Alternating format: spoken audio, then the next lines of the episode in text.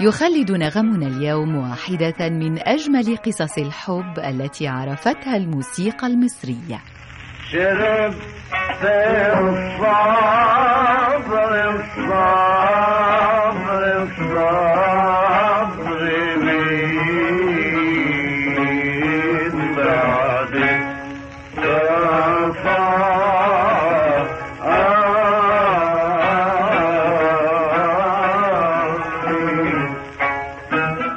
جمعت القصة بين فنانين من أبرز أصوات زمانهما هما عبد الحمولي وألمظ اللذان برزا في القرن التاسع عشر خاصة في فترة حكم الخديوي إسماعيل.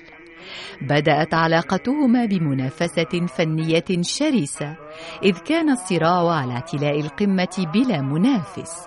لكن سرعان ما تغيرت الأمور بعد أن جمعهما حفل مشترك. عندما رأى عبد الحمول ألمظ واستمع لصوتها سحر بها ومن حينها تحول التنافس إلى طلب للوصل منه ولعبة تمنع منها وهي التي غنت متوجهة إليه. يلي تحب الوصال وتحسبه أمر ساهل ده شيء صعب المنال وبعيد عن كل جاهل. فيجيبها مغنيا روحي وروحك حبايب من قبل ده العالم والله وأهل المودة قرايب والقلب مش سالم.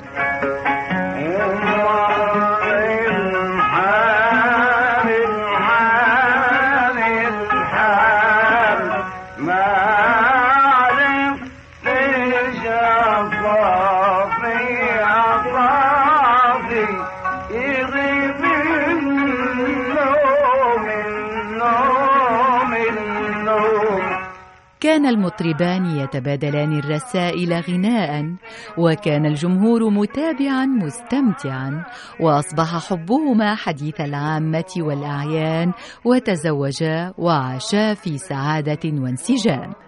لكن ذلك لم يطل إذ خطفت المنية ألمظ وهي في سن السادسة والثلاثين من العمر وقصمت الضربة ظهر عبد الحمول وبكاها طويلا وكان دور شربت الصبر من بعد التصافي أكبر معبر عن ألمه بفقدان الحبيبة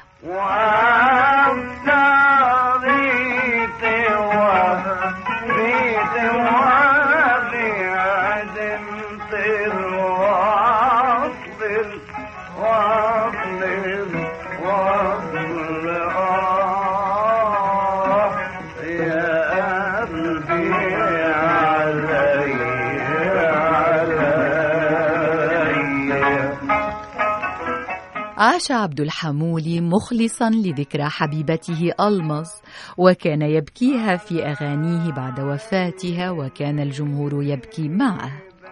وعن المحرر أحمد يونس في رصيف 22 ذكر أن الأديب أحمد أمين عاصر قصة الحب هذه وذكر في كتابه فيض الخواطر أن الحامولي حزن كثيرا لموت ألمظ ومن أبرز ما غناه بعد رحيلها شربت الصبر من بعد التصافي ومر العمر معرفتش أصافي عداني النوم وأفكاري توافي عدمت الوصل يا قلبي عليه وهي الأغنية التي اشتهر بالبكاء فيها وبكاء الجمهور معه.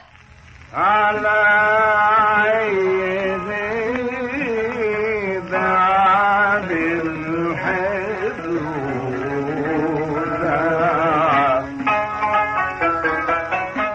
تناولت السينما والدراما هذه القصة فكان الفيلم في ستينيات القرن الماضي وحمل عنوان ألمظ وعبد الحمولي وقام ببطولته عادل مأمون في دور الحمولي ووردة في دور ألمظ وأنتج التلفزيون المصري في السنوات الأخيرة مسلسلا بعنوان بوابة الحلواني تناول هو الآخر هذه القصة وقام بدور البطولة فيه كل من علي الحجار وشيرين وجدي.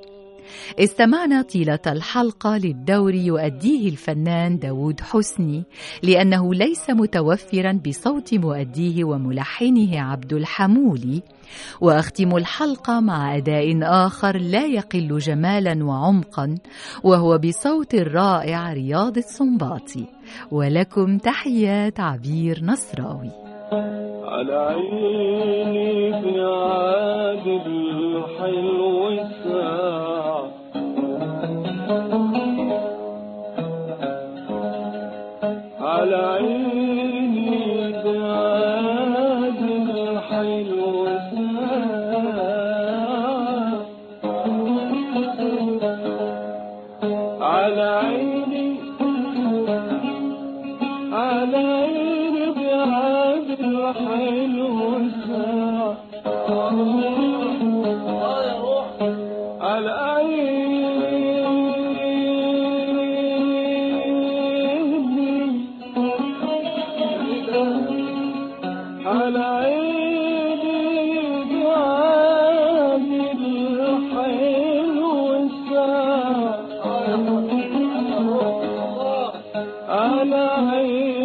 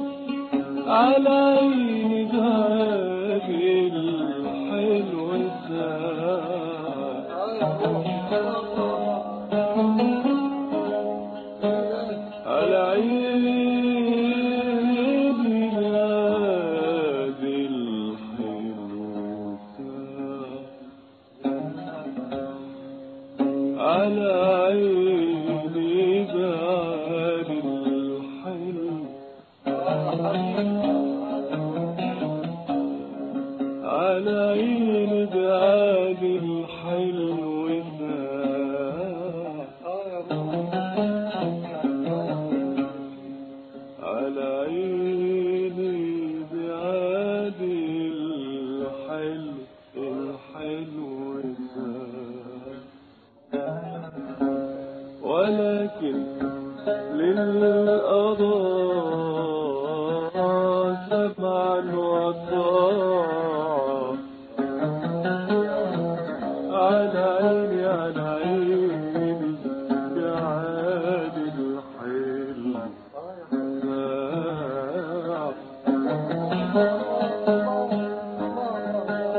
على